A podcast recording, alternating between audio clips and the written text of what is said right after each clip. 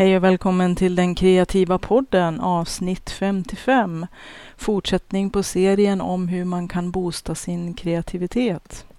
Idag tänkte jag prata om drömmar och eh, jag hade ju pratat om drömmar lite grann i det här avsnittet om att eh, anteckna och skriva. Därför att eh, drömmar är ju lätta att glömma bort liksom alla idéer och uppslag man får. Så det var lite grann kopplingen då vad det gällde att eh, alltid se till att ha anteckningsmaterial nära till hands. Drömmar är ju ganska sublima och ganska så undflyende och många gånger är det ju svårt att komma ihåg vad man har drömt. I morse när jag vaknade så hade jag drömt fruktansvärt mycket. Ovanligt mycket till och med för att vara jag. Men dessvärre kommer jag inte ihåg någonting, nästan ingenting. Det är bara en massa fragment och att jag vet att jag har drömt en massa olika saker. Så att även om jag hade haft eh, anteckningsblock och penna bredvid mig på nattduksbordet så hade jag ändå inte kunnat skriva ner någonting eftersom att allting hade redan förflyktigats. Drömmar är ganska flyktiga. Jag kommer ihåg bara något litet enstaka fragment av, av en av de alla drömmar som jag hade. Och eh, det enda jag vet av alla de här fragmenten det är som sagt att jag drömde en väldig massa. Det är ju oftast så att eh, drömmar, liksom idéer och kreativa uppslag är väldigt flyktiga. Idag tänkte jag prata lite mer specifikt om drömmar och om dagdrömmar eftersom att det är också ett kreativt verktyg. Det finns många som har ägnat sig åt att fördjupa sig mer kring drömmar och har skrivit drömdagböcker till exempel. Och då kommer ju igen det här med att ha ett anteckningsblock och penna på nattduksbordet och kanske till och med en liten ficklampa eller någonting. Någonting man kan tända utan att störa om man har en eh, partner som ligger bredvid eller andra som kanske blir störd ifall att man vill skriva upp någonting omedelbart innan man har glömt det. För när man vaknar på morgonen så är det mesta borta. Men vad är drömmar egentligen och vad är dagdrömmar? Man kan ju ha en massa olika teorier och det finns det säkert också. Eh, jag tror att eh, drömmar och dagdrömmar fyller en mängd olika funktioner. Dels så tror jag att det är ett underhållsarbete som utförs i hjärnan under tiden vi sover. Ibland kan man ju tänka vad är det för vits med att sova överhuvudtaget, men det finns väl anledningar. Och att det här underhållsarbetet i hjärnan behövs också. Jag tror också att det är ett sätt för hjärnan att kunna bearbeta och strukturera och sortera en massa saker som kan vara dagens alla intryck, alla minnen vi har ifrån både när och fjärran och att det är ett ständigt arbete som hjärnan utför som är viktigt också tror jag. Och eh, när man kommer till de här bitarna med alla de här fragmenten utav en massa upplevelser och intryck och minnen och saker som både lagras och inte lagras i långtids och korttidsminne och för att avlasta arbetsminne som jag pratade om i förra avsnittet så tror jag också att eh, en förmåga, den här kreativa förmågan att se nya lösningar eller att hitta på nya sätt att göra saker, det är ofta en kombo, alltså att vi tar en massa utav våra redan befintliga fragment och fogar ihop dem på nya sätt. Och då kan vi se helt nya sätt att göra saker och ting och helt nya lösningar på problem som verkligen är nytänkande och nydanande. Om man eh, googlar lite grann på det här med drömmar och dagdrömmar så får man en hel del träffar på just det här kreativa kring att alla de här lösa minnesfragmenten som susar omkring i vår hjärna kan användas kreativt i vår kreativa process, vilket jag tycker är väldigt spännande. Dagdrömmar är ju också ett sätt som jag tror är viktigt att eh, kunna nå sina kreativa superkrafter.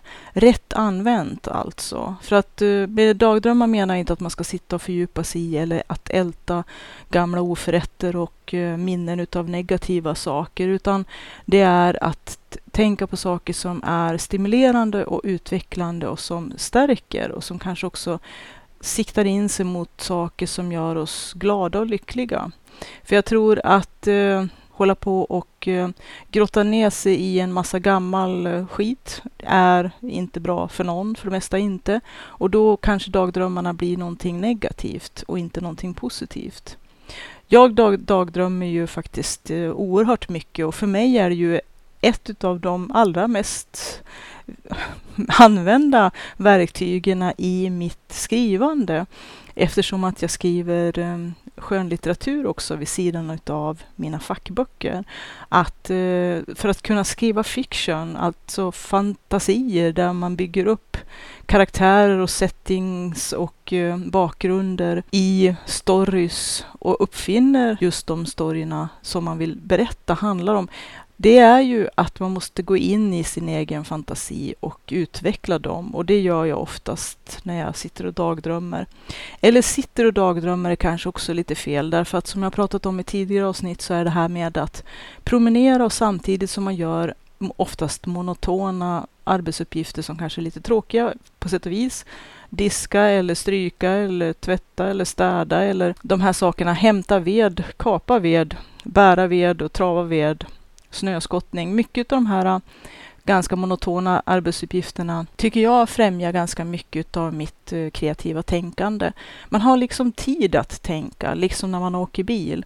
Att uh, åka bil är ju också ett sånt där känt sätt att zona ut, att vi hamnar lite grann i halvtrans. Då när vi har kört bil så pass länge och mycket att vi kan sköta de flesta utav bilens, uh, ja, maskineri med ryggmärgen och eh, delar av vår hjärna kan flytta iväg och tänka på andra saker. Så dagdrömmar när man sitter och kör bil, liksom att eh, när man kör bil och har sällskap, är väldigt lämpliga för samtal. Det är ju just det här att vi har den här odelade tiden att eh, göra saker som vi oftast inte har utrymme för i vår vanliga vardag. För att då är det så mycket runt omkring som hela tiden pockar på uppmärksamhet. Det är telefoner och maskiner som plingar till höger och vänster och människor som kanske också både sliter och drar i oss och alla som kanske behöver prata med oss och saker som måste göras och disken som står och hånar oss på bänken och, och ja, allt det där. Barn som stimmar och saker som hela tiden kräver vår uppmärksamhet för det är alltid saker som ska göras. Men när man gör saker som är lite mer monotona, som står och diskar eller stryker eller syr eller hantarbetar, eller när man sitter i bilen, då finns det liksom eh, utrymme för det här tänkandet som vi annars kanske inte riktigt har utrymme för. Eller lugn och ro helt enkelt. Jag läste någon gång, jag försökte hitta den texten, men jag hittade den inte, som handlade om vikten av att titta ut genom ett fönster att många gånger så kan faktiskt det här dagdrömmandet och att sitta en stund för sig själv med en kopp te och vandra omkring i sin egen tankevärld kan vara väldigt värdefullt. Och lika som att se ut genom ett fönster och kanske betrakta livet på lite avstånd och samtidigt kanske ägna sina tankar åt saker som vi annars inte riktigt har tid till. Eller koncentration och fokus att tänka på.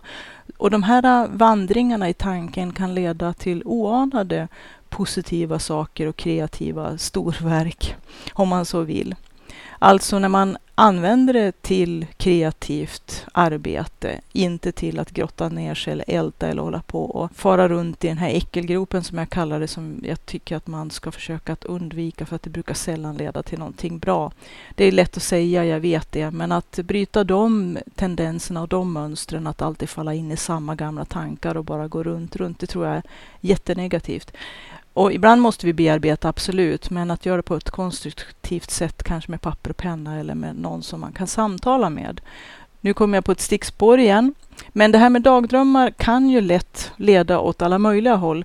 Och jag tror att när det gäller kreativitet så kanske vi måste vara fokuserade och koncentrerade, vilket känns som lite grann utav en motsats eller ett motsatsförhållande till dagdrömmar som kan ju vara väldigt nästan lika flyktigt som drömmar och att tanken vandrar iväg åt alla möjliga håll. Och det är ju en del i den kreativa kraften. Att liksom när man mediterar, att låta tanken få vandra lite grann precis hur den vill och inte inte hålla på och stoppa den eller forcera den hit och dit, utan låta den gå dit den vill. Men med det förbehållet naturligtvis att inte låta den ständigt gå tillbaka till sina gamla negativa mönster som jag har en tendens att upprepa och det här negativa självpratet. Jag pratar väldigt mycket om sånt i början på den här podden, om negativt självprat, så att, uh, gå gärna tillbaka och lyssna på de avsnitten. Men det här med att låta tankarna vandra och låta dem vandra åt alla möjliga håll lite fritt kan leda som sagt till helt oanade och som jag tror också de här fragmenten som kan då plötsligt hopfogas på helt nya sätt. Och vi ser en kombo utav en massa saker som vi tidigare inte har satt i samband med varandra eller som vi inte skulle komma på att kombinera annars. Att kreativitet är oftast en slags eh, tricksterkonst, att mixa nya saker på ett nytt sätt med varandra eller till och med ta en massa gamla saker, vända dem upp och ner och använda dem på helt nya sätt och kombinera ihop dem på oväntade vis. Och det leder till nya oanade insikter och den kanske första eller andra eller tredje idén kring en ny kombination av olika fragment kanske inte är så lyckad. Men när vi håller på och pusslat lite med bitarna hit och dit så kan helt plötsligt någonting nytt uppstå. Ett nytt mönster som vi kan se som ger oss den här hevreka-upplevelsen. Aha! Så kan man ju göra. Att jag inte har tänkt på det förut. Dagdrömmar tycker jag att man gör med fördel som sagt när man är ute i naturen och går. Eller när man kanske sitter ute på sjön med ett fiskespö. När man plockar bär, det är också en sån här monoton sysselsättning. Eller plocka svamp, jag plockar ju väldigt mycket bär. Och eh, då har man också tid att tänka en hel del.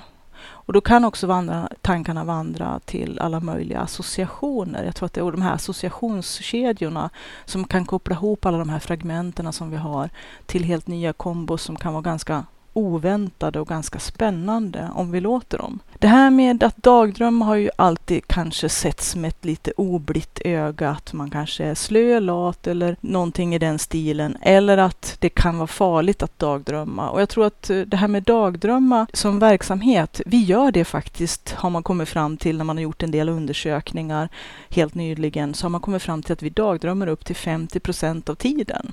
Och det är ju lite intressant att tänka på.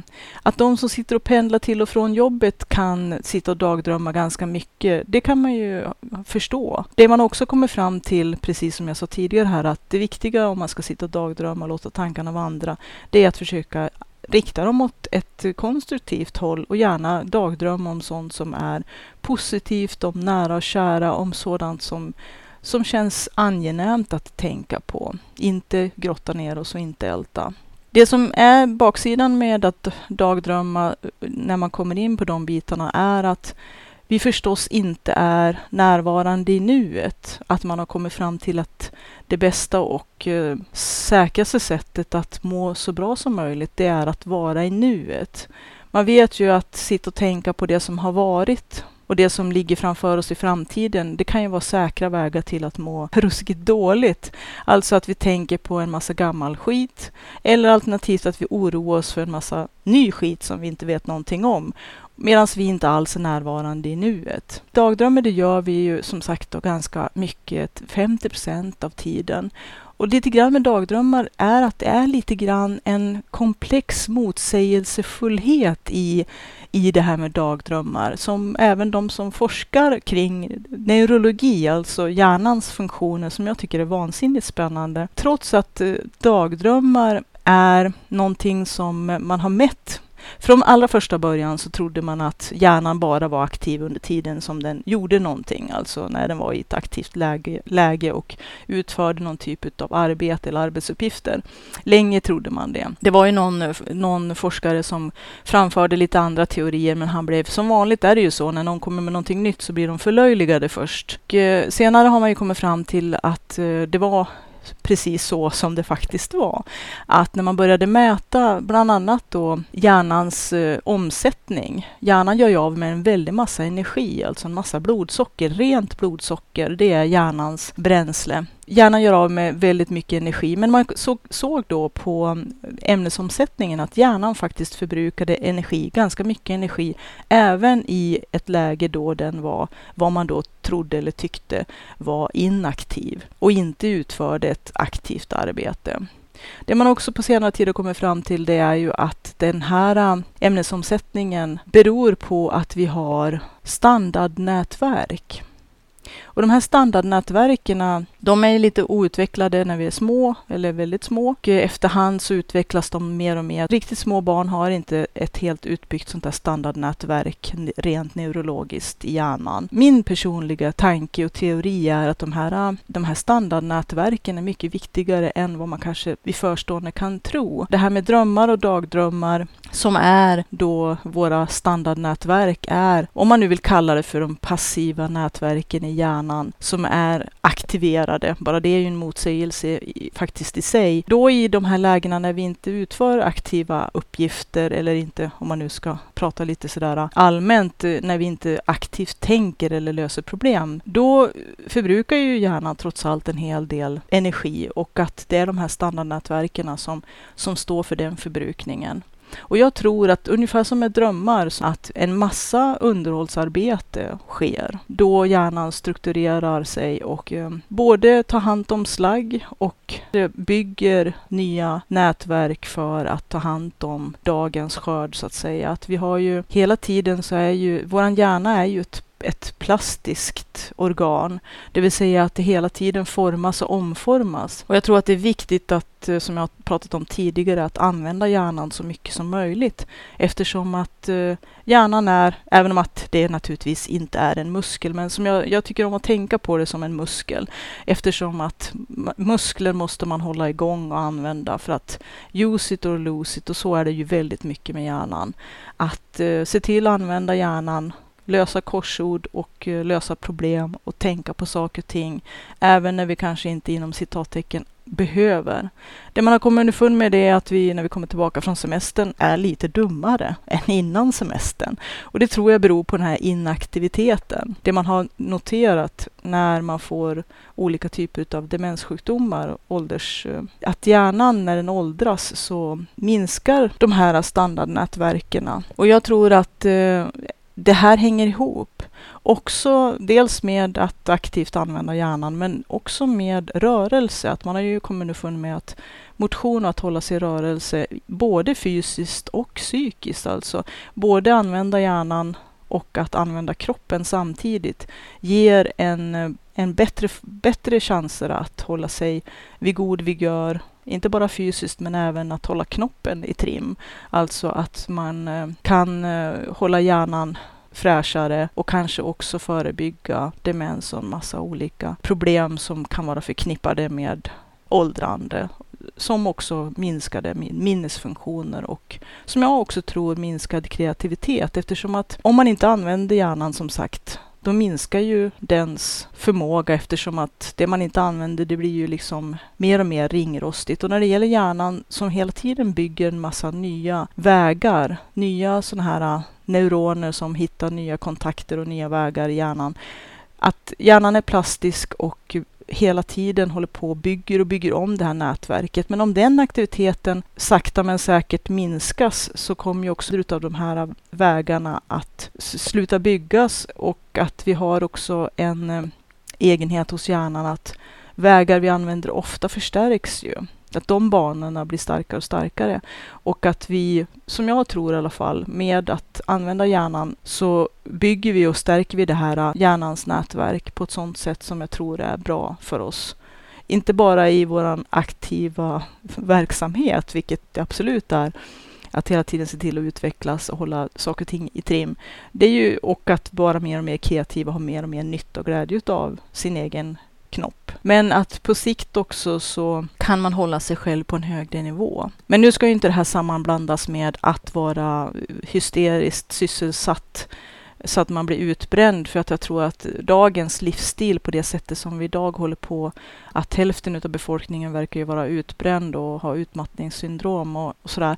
Så jag tror att någonstans så är det ju att hitta en bra balans och att vara väldigt uh, sysselsatt och fast i den här bråttom bråttom-fällan. Egentligen kanske inte ha så mycket med att hålla sin hjärna i trim om man ska vara lite krass sådär. Så att eh, blanda inte ihop de två sakerna för det är två väldigt olika grejer tror jag. En annan del, det som jag försöker komma fram till med tanke på det här med eh, ämnesomsättningen i hjärnan och att aktiviteten i de här olika nätverken det är ju att eh, jag tror att blodgenomströmningen är väldigt viktig.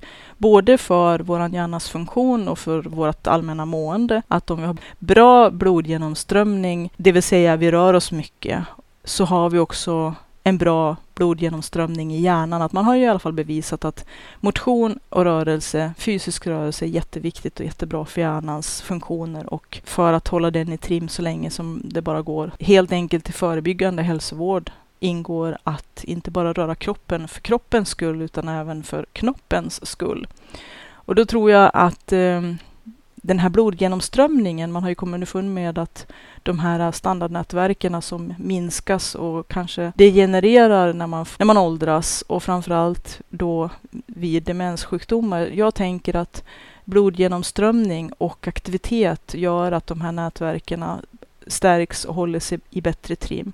Det är min teori i alla fall, som också stöds av de, den, den forskning som finns att man har upptäckt att fysisk rörelse gör att hjärnans funktioner har mycket större förutsättningar att, att stoppa längre. Jag tror också att i långa loppet så mår vi ju också mycket bättre, kan få ett mycket bättre liv. Kommer jag lite grann på avvägar här för att egentligen så skulle jag väl inte prata så mycket om hjärnans funktioner utan det var om dagdrömmar som i och för sig är en funktion av hjärnan så att det hänger väl ihop lite grann. Dagdrömmar i alla fall är det som jag var inne på lite tidigare här är ju väldigt mycket en eh, motsägelse mm, full grej.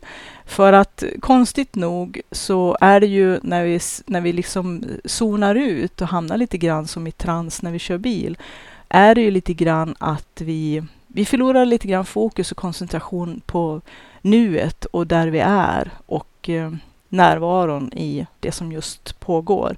Och det kan ju ibland vara bra, men oftast så är det ju inte bra och oftast kan det ju ses som rent dåligt och så. Va? Men eh, samtidigt konstigt nog att eh, samma ställen i hjärnan som är aktiva när man dagdrömmer är också samma ställen som är aktiva när vi är djupt koncentrerade och fokuserade. Fast det är två helt olika nätverk, två helt olika system och de arbetar lite grann olika. Men jag tror att de arbetar parallellt, att vi behöver båda sorterna i en bra balans som jag pratat om tidigare i det här avsnittet. Det man i alla fall vet är att dagdrömmar är ett, kan vara ett tecken på en kreativ process. Ungefär som ett träningspass för hjärnan. Många gånger så har många av de texter som jag har skrivit eh, är ett direkt resultat utav att jag har dagdrömt och suttit och fogat ihop lite olika tankar och informationsbitar som har dykt upp. Som har, alltså när tankarna har vandrat åt lite olika håll så kan jag ibland sätta ihop helt nya tankar och se helt nya mönster som blir en slags aha-upplevelse och lite heureka-moment. Och då är inledningen och startskottet till en längre eller kortare text som, som jag känner att det här vill jag skriva om. Så kreativiteten att hitta material att skriva om där kan ju drömmar och dagdrömmar vara en väldigt stor källa att ösa ur. Men också som eh, en slags, eh, ett avstamp och i det här fallet för mig många gånger en inspiration. En inspirationsingång i någonting, i en ny tanke eller i nya tankar som jag har fogat ihop på ett nytt sätt. Att jag ser ett samband eller ett mönster som det här vill jag skriva om eller det här vill jag bearbeta vidare i textform. Det brukar ofta leda till väldigt bra saker. Men om man skriver skönlitterärt, som jag gör, så är ju en hel del utav texterna som eh, uppkommer i, i böckerna som jag håller på med, de kommer ju från någonstans. Och även om jag är duktig på att fantisera när jag sitter framför datorn och skriver, så är, ju en, är det ju långt ifrån allt material som kommer från att jag har suttit och eh, hamrat på tangentbordet framför skärmen, utan det är helt enkelt tankar som har kommit när som helst. Jag har pratat lite grann om det i tidigare avsnitt. Det kan ju vara när man ska sova eller när man vaknar mitt i natten eller utlöst av en dröm eller att man har suttit och dagdrömt och då hållit på och funderat lite grann kring sina karaktärer och vad de sysslar med och varför de gör olika saker oftast, som jag sa i ett tidigare avsnitt i den här serien om att boosta sin kreativitet, så det här med frågor är ju ett fantastiskt eh, bra verktyg och man kan använda det i kombo med att dagdrömma. Om man sätter sig ner med en kopp te och, och filosoferar lite grann, tittar ut genom ett fönster och låter tankarna vandra och så undrar man, men varför vill min karaktär si och så göra det och det? Eller varför agerar de på det och det sättet? Eller varför gör de så här när de interagerar med varandra? Vad är egentligen kärnan i det? Vad finns det för orsak i, i grunden? Vad är det för någonting i botten som, som man kanske inte ens vet om, men som är drivkraften bakom? Som kanske inte ens karaktärerna själva vet om. Vad är det som har fått dem att, att vilja eller göra eller säga eller bete sig på det här sättet? Vilka är de egentligen? Så att många tankar och dagdrömmar som kan inträffa precis var som helst och när som helst har lett till insikter. I princip sker det för mig varenda dag. Och jag har ju mina lösa pappersblad och baksidan på kuvert som jag skriver på för att snabbt kunna kasta ner när datorn är inte är påslagen eller att jag helt enkelt inte har tillgång till att kunna skriva på någonting annat. Att då skriva ner de här som jag pratade om förut, att drömmar, dagdrömmar, uppslag, idéer, tankar som man får, inspirationspunkter eller utgångslägen in i någonting som man vill utforska. De kommer plötsligt och är väldigt, eh, ofta väldigt eh, fragmentariska och kan snabbt också försvinna lika fort. Så det gäller att fånga dem i flykten och kasta ner några stolpar eller några ord på ett papper så att man har som minne till att när man kommer i ett lugnare läge och kan skriva lite mer utförligt en minnesanteckning eller helt enkelt sätta igång och skriva direkt rakt ifrån det som har poppat upp i hjärnan. För att det är ju det att det poppar upp utan att man egentligen riktigt varken kan styra det eller bestämma det. Eh, naturligtvis kan jag sätta mig ner framför skärmen och eh, börja skriva där jag är i en story. Jag har ju oftast en outline så att jag vet ungefär vad som ska hända i grova drag. Och sen kan man sitta och skriva ganska fritt. Och då har man den här outlinen som en liten, eh, någonting att hålla i, ett litet, litet räcke som man kan följa. Och och, eh, eller som jag kan också se det som att man har lite olika fasta ställen som tuvor eller stenar att hoppa till. Att man vet att det är dit man ska gå, men att vägen dit, den är inte uttänkt eller färdig, utan den uppfinner man ju på vägen medan man skriver. Och det är ju liksom att både kombinera att planera och att skriva intuitivt och i, i, stunden så att säga, att kunna upptäcka under tiden man skriver. När det gäller dagdrömmar och drömmar de kommer ju också lite grann precis när som helst och hur som helst och är lite svårare att styra. Och då gäller det att ta fatt dem när man får de här. Jag ser ju lite grann som, eh, som små guldkorn som eh, om man natur regnar över en då och då eller kan glimta till och då gäller det att fånga dem. Och dagdrömmar är en sån metod som är ganska kanske känd utav alla de som använder det som en kreativ process eller som en kreativ metod. Eller att vi kanske gör det omedvetet och inte tänker så mycket på det att det faktiskt pågår hela tiden någonstans i oss parallellt. För att jag menar om man har mätt att man, är, att man sysslar med dagdrömmeri 50 procent av tiden så nog 17 kommer det väl ett annat korn därifrån som vi kanske inte riktigt tänker på att det var någonting som vi hade dagdrömt fram. En annan sak som är ganska intressant det är ju när man har forskat på det här området med dagdrömmar det är ju att Eh, de som har fått möjlighet att dagdrömma i samband med problemlösningar när man har gjort undersökningar, det är att eh, de kommer fram till 40 procent mera lösningar än de som inte har fått dagdrömma. Och det här tycker jag är ganska revolutionerande. Allt tillåtits och getts utrymme att eh, dagdrömma medan de som inte har fått det har sysselsatts med att lösa andra problem att vi kanske måste mer och mer se och respektera att vi behöver de här äh, ställtiderna som äh, Bodil Jönsson pratade väldigt mycket om när hon skrev sina böcker om tid, bland annat Tio tankar om tid. Att äh, vi behöver den här buffert, de här buffertzonerna om man vill kalla det för cushions eller liksom eh, någon slags eh, kuddar mellan alla de här mera krävande eller planerade, eller vad ska man kalla det, aktiva aktiviteterna. Att vi behöver tankeutrymme, att vi behöver tid runt våra arbetsuppgifter för att, som jag också tror, dels få utrymmet för kreativ, kreativa processer att äga rum. Jag menar om man har mätt att folk som har fått dagdrömma i samband med undersökningar när de ska lösa problem eller komma med massa förslag på problemlösningar eller kreativa förslag på saker. Med eh, dagdrömmar så har de alltså uppnått 40% bättre resultat så säger det ganska mycket tycker jag.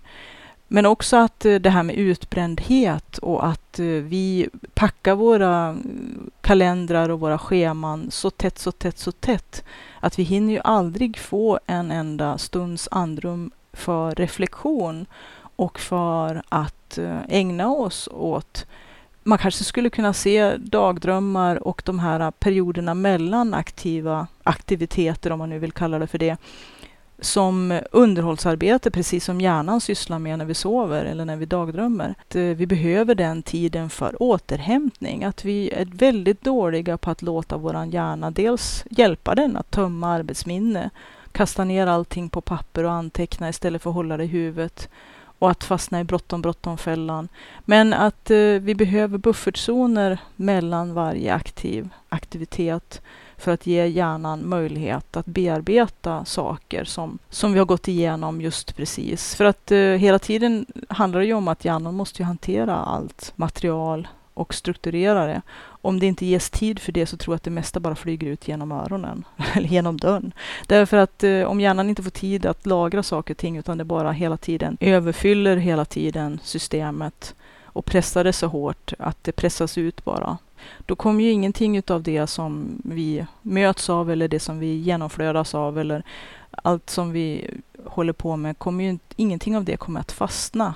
Och jag tror nästan att det här med att man får så dåligt minne när man har arbetat för mycket eller för intensivt, som jag kan känna då när jag har slutfört en bok, att då får jag någon slags språklig afasi. Att, det här, att eh, helt plötsligt tappar jag bort ord och måste ibland gå över för att hitta eh, orden så kan jag använda engelskan. Och det brukar gå över efter ett tag. Första gången som det hände var det ganska otäckt. Men att jag tror att genom att överflöda vårt arbetsminne under alldeles för lång tid så, så som också många av de som har drabbats av utbrändhet har, har märkt, det är ju att våra minnesfunktioner blir ju kraftigt försämrade. Och jag tror att det både är att hjärnan inte har getts utrymme för det här underhållsarbetet. Att om vi bara pressar in en massa saker så fastnar ingenting.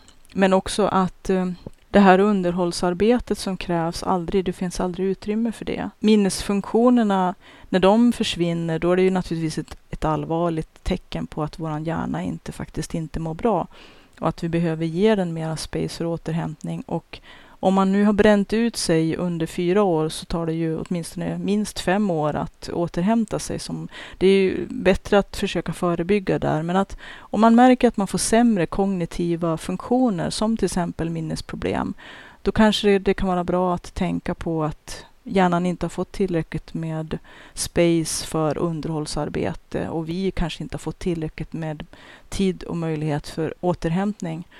Och då kan man ju kanske tycka då att ja, det är ju lätt för dig att säga, men mitt liv tillåter inte att jag slår ner på tempot eller vad man nu vill ha för argument. Samtidigt som att om man blir långtidssjukskriven, då kan man ju inte göra faktiskt ingenting. Så att, att ta sina minnesproblem eh, och kognitiva problem på allvar när de dyker upp, som jag tror som sagt är ett tecken på att eh, hjärnan är överbelastad och att det helt enkelt, om jag ska vara lite krass, är nästan ett uh, självförsvar från hjärnan. Att uh, den helt enkelt bara har försatt hela systemet i on hold, alltså lite grann nästan satt den i strejk. Att nu tar vi inte in dem mer förrän du skärper upp dig och, och liksom tömmer alla de uppchokade system som du har pressat in och pressat på. Och liksom, att det handlar om gränssättning. Och det är klart, igen, det är lätt att säga, våran vardag är oftast väldigt, väldigt påträngande och tvingande i många sammanhang. Men en hel del som vi säger att vi tvingar att göra är ju också saker som vi faktiskt själva har lagt på oss och saker som vi själva måste vara mera kritiska emot. Jag pratade väldigt mycket om det tidigare, det här med att vi inte kanske kan hålla på med alla de saker som vi gör samtidigt hela tiden och att vi måste ibland kanske tänka lite nytt, vara lite kreativa även här. Att, att ständigt vara uppkopplad och inkopplad och, och hålla på med alla dessa sociala medier och pumpa en massa olika aktiviteter och saker som ibland kanske vi måste också fråga oss varför gör jag det här?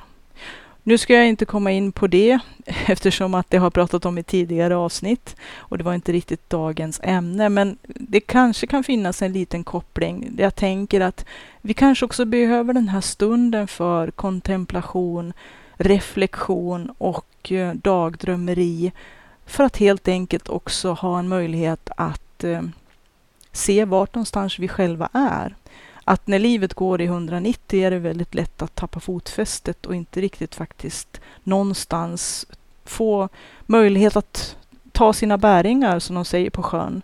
Alltså att veta vart någonstans man är och vilken kurs man har. Att det ibland kan vara läge att bara stanna, helt enkelt halt i maskineriet.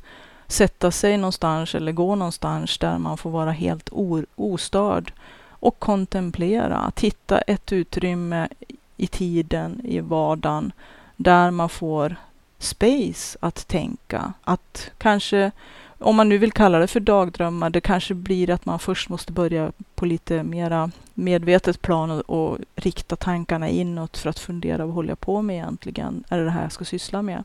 Men jag tror att bristen utav space att eh, kontemplera, ha den här eh, introspektionen nu menar jag inte att sitta och grubbla eller sitta och älta och tänka på alla gamla oförrätter och skit som har hänt i, i ens forntid, som oftast är tendensen och som jag tror att det är väldigt lätt att hamna i. Utan att eh, mer gå in på vart är jag nu? Och ska jag hålla på på det här sättet och så? Igen kommer jag väldigt mycket från ämnet som var dagdrömmar. Verkar vara svårt idag med dagens ämne. Men eh, kanske man sen när man har kommit underfund med att man kanske borde göra förändringar. Den här kreativa processen handlar ju inte bara om de kreativa projekten som man håller på med, utan även som jag hela tiden, i alla fall på senare tid i den här, projekt, i den här äh, podden har äh, marknadsfört, att hela livet är ju en kreativ resa och ett kreativt äventyr. Och att det är vårt kreativa bygge, vad vi gör med vårt liv. Och då tänker jag att eh, när man har kanske passerat de grövre lagren utav eh, kontemplation och introspektion och kanske kan ägna sig åt mer dagdrömmeri, drömma om vad man egentligen vill och vad man vill göra nu eller vad man vill göra inom en snar framtid. Och igen så finns det ju lite grynner och skär för att ta ytterligare en liknelse från sjön som man måste se upp med. Och det är ju något man har kommit underfund med när det gäller dagdrömmar, att om man ska använda dagdrömmar effektivt så är det vissa saker man inte ska göra. Och en sak man inte ska göra det är att drömma om ett liv som man inte har. Och det här låter ju lite grann konstigt, men det jag menar det är att sitta och fantisera om hur man är så mycket rikare och så mycket framgångsrikare och så mycket smalare och så mycket fan mer fantastisk och att man är mera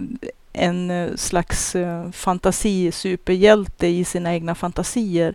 Det har man kommit fram till inte så jättekonstruktivt och kreativt och inte så himla hälsosamt. För att eh, om man vill må dåligt så ska man sitta och tänka på saker som man inte har. Det är lite grann att då hamnar man lite grann i den här eh, Facebook-statussjukan utav att jämföra sig kanske dels med andra men också fantisera om liv långt bortanför våran räckvidd och som jag, om jag ska vara personlig, inte tycker eller tror är sådär otroligt strålande och underbara som kan, de kanske ser ut i alla glassiga kändismagasin. Baksidan och prislappen för det livet tror jag är så mycket högre än vad jag i alla fall är beredd att betala. Men om man bortser från det, att sitta och dagdrömma om ett liv som är helt orealistiskt och kanske inte direkt stärker en i den situationen man själv är i just här och nu, kanske är väldigt nedbrytande och dålig, liksom att sitta och grotta in sig i gamla, gammalt skit helt enkelt. Bearbetning är en sak, men att hela tiden gå runt, runt i samma tankespår tills att det blir riktigt djupa spår, det är ju oftast inte så, så himla konstruktivt. Det här med dagdrömmeri, om man nu liksom vänder på det lite grann, att okej, okay, man kanske inte ska sitta och drömma om att man är kungen utav eh, något jätterikt land och har en miljon tusen diamanter och guldtacker och ett helt harem och ja, vad man nu tycker skulle vara jätteläckert. Även om det inte ligger för mig precis. Eller ha den där fantastiska racerbilen och vara kändis på alla kändissidor eller sportstjärna eller rockstjärna eller vad det nu kan vara. Det, kanske, det kan ju kanske vara stimulerande att fantisera om sådana här eh, helt eh, otroliga saker när man skriver böcker. Det kanske är en anledning till att jag skriver böcker, att då får man ju faktiskt fantisera fritt om saker som både sånt man kanske skulle vilja uppleva och sånt man inte skulle vilja uppleva. Mestadels inte uppleva eftersom att jag skriver dark urban fantasy. Och att som författare, en viktig grej när man är författare det är att man ofta måste utsätta sina karaktärer för väldigt mycket svåra prövningar och problem. Och annars blir det ingen story. Jag menar, om ingenting spännande ligger i som insats och ingenting hemskt riskerar att hända, då finns det kanske inte så mycket drama. Det måste alltid vara något drama och det brukar alltid betyda att man måste föra in en massa ganska negativa saker som problem och hemska saker som måste överkommas. Annars så kan det ju vara faktiskt trevligt att få uppfinna egna världar och skriva om dem. Det är väl det som jag dras till skrivandet, en hel del i alla fall. Om man bortser från att man bör, i alla fall utav de undersökningar som jag har läst, när det handlar om dagdrömmeri, så ska man undvika att drömma om sånt som ja, kanske är lockande att fastna i. Kanske att drömma om hjältesagor om sig själv i för hög utsträckning eller kanske drömma om fantastiska framgångar och fruktansvärt stora ekonomiska tillgångar eller vad man nu, vad man nu har för förläggning. Det beror ju på, vi är alla olika. Det kanske finns de som drömmer om att få sitta i en stuga i skogen, ädla lite i kaminen och sitta och skriva. För i så fall så lever jag det livet just nu. Så att eh, ja, man kan ju ha sådana drömmar och de kan man ju faktiskt förverkliga också. Det kan ju vara skillnaden mellan en bra och en dålig dagdröm, att en bra dagdröm är faktiskt möjlig att förverkliga och eh, ha någonting med det verkliga livet att göra. Så att det inte blir för frustrerande och för negativt och för nedbrytande. Att hela tiden kanske ägna sig åt att bara tänka på alla saker man inte har. Man kan också tänka sig att de som mår väldigt bra, eller i alla fall väldigt mycket bättre, är de som använder en hel del av sin tid. En hel del av sin tid, det låter lite mycket, men som jag har pratat om förut, att man dagdrömmer och tänker på faktiskt de saker, de nära och kära som man har och de fina saker som man har att återuppleva positiva minnen och tacksamhet, att tänka på de saker som man är tacksam för. Det är ju en övning i alla fall som har räddat skallen på mig, att eh, tänka på saker jag är tacksam för innan jag ska sova. Tre saker man är tacksam för varje kväll och det kan vara samma saker man är tacksam för också. Man behöver inte uppfinna nya. Och det kan vara små saker, men som är viktiga för en själv. Det här med dagdrömmar, om man vill vända hela skutan lite grann i alla fall, kanske inte 180 grader, men 90 i alla fall. Då.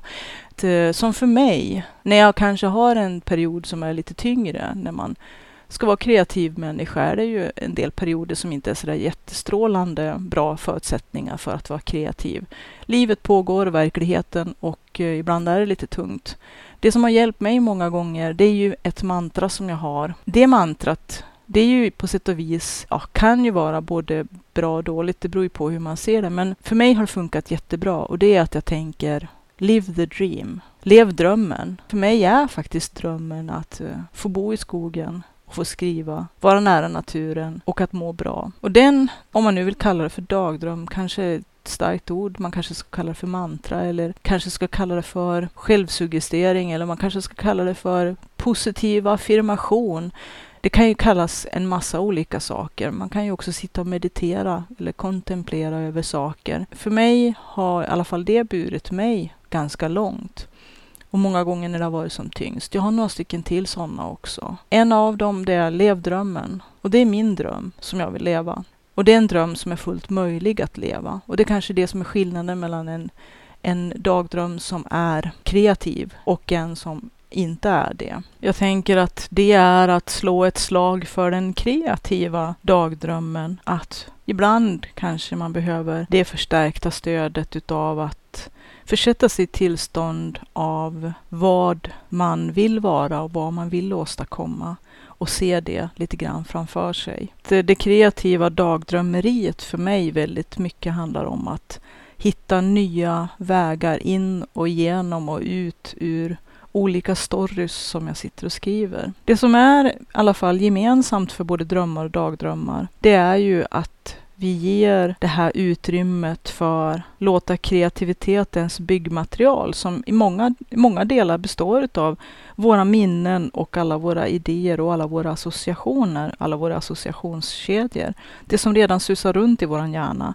Men att få det att strukturera upp sig på lite nya sätt och ge dem chansen att göra det Genom drömmen och genom dagdrömmeriet så kan det skapas nya kopplingar i hjärnan mellan de här olika delarna. Och det är det lite grann som jag tycker sammanfattar ganska mycket av det jag vill säga med dagens avsnitt och som jag har en hel del egen erfarenhet av och som jag tror kan hjälpa dig i ditt kreativa arbete.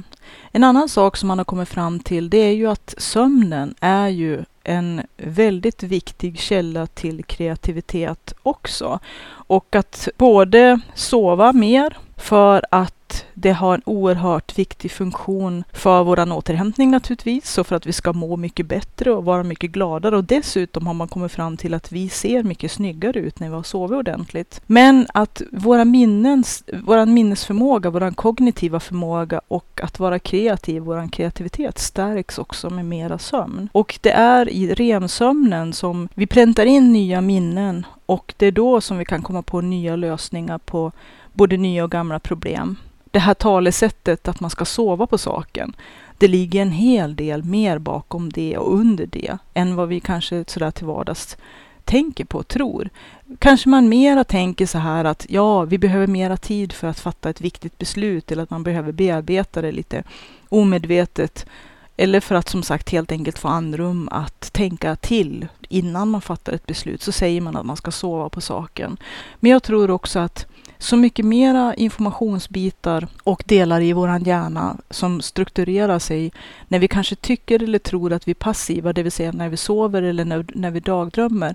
Då byggs de här kopplingarna, struktureras det här materialet och nya associationer möts som kan vara ovärderliga för oss i vårt arbete, i vår problemlösning, när vi ska fatta beslut eller när vi skriver en roman eller målar eller skriver musik. Eller håller på med keramik. Eller järnsmide. Designar någonting. Löser ett vardagsproblem. Vet hur vi ska angripa någonting. Hur vi ska lösa saker som kommer i våran väg, i våran livsväg. Hur vi ska få våran vardag och våran verklighet och livet att samarbeta och jobba på, på samma lag som oss. Eller att vi är på samma lag med dem. Det beror på hur man ser det. Sova och sömn att drömma och dagdrömmar, det kanske är någonting som vi alldeles för mycket förbiser i våran stressade nutidsvärld. När det är bråttom, bråttom, mycket, mycket, allt, allt, allt. Och att vi är så rädda att missa någonting. Fear of missing out. Att vi hela tiden måste hålla på och fladdra och scrolla våra sociala mediers flöden. Det kanske vi ska ta paus från ibland.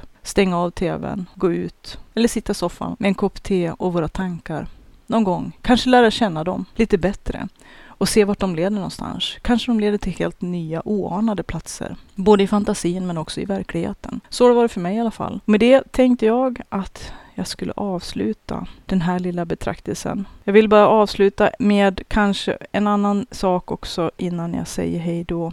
Och det är ju det att förutom att sömnen är bra för minne och kreativitet och att det förbättrar vårt beslutsfattande när vi sover på saken så ökar faktiskt vår koncentration och vårt immunförsvar. I kombination med att, som man på senare tid har kommit underfund med, att multitasking är väldigt överskattat och att vi faktiskt, även om att vissa ser ut att klara det bättre, vi är inte så himla bra på att göra massa saker samtidigt. Det som händer är att vår hjärna blir utbränd.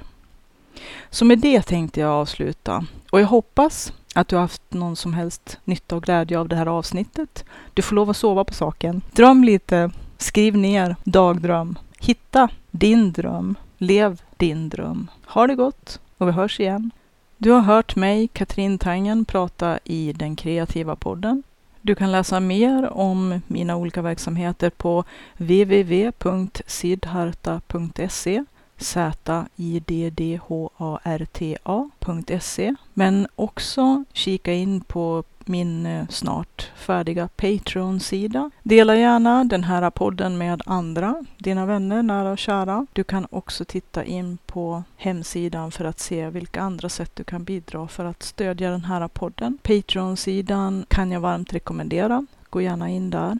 Det finns en länk i poddavsnittet, i alla fall om du surfar in på Soundcloud där den här podden finns. Där finns en länk till Patreon-sidan www.patreon.com siddis med Z. Där kan man bidra med allt ifrån lite under vad en köper kaffe på stan kostar och lite mera om man har möjlighet till det. Alla som eh, bidrar på Patreon får också tillgång till extra material som jag håller på i denna stund att producera. Plus att eh, man också ska kunna delta mera i mitt kreativa arbete i bild och text. Vad jag gör till vardags och hur jag gör det. Kanske ha möjlighet att eh, få stöd och hjälp i sin egen kreativa process och bli inspirerad. Kanske också lite bilder här från skogen. Jag bor ju väldigt vackert intill en sjö. Är väldigt intresserad av fotografering. En och annan naturskön bild på djur och växtliv här ute. Kan det nog komma att bli. Ha det gott. Vi hörs.